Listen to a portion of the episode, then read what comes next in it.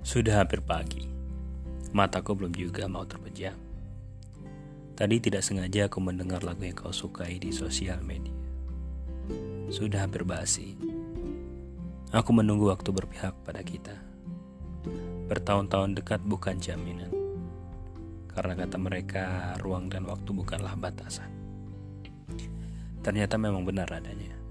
Nyatanya, ada senyummu yang mengembang di arsip cerita Instagrammu bersama satu lelaki yang sepertinya kau sukai.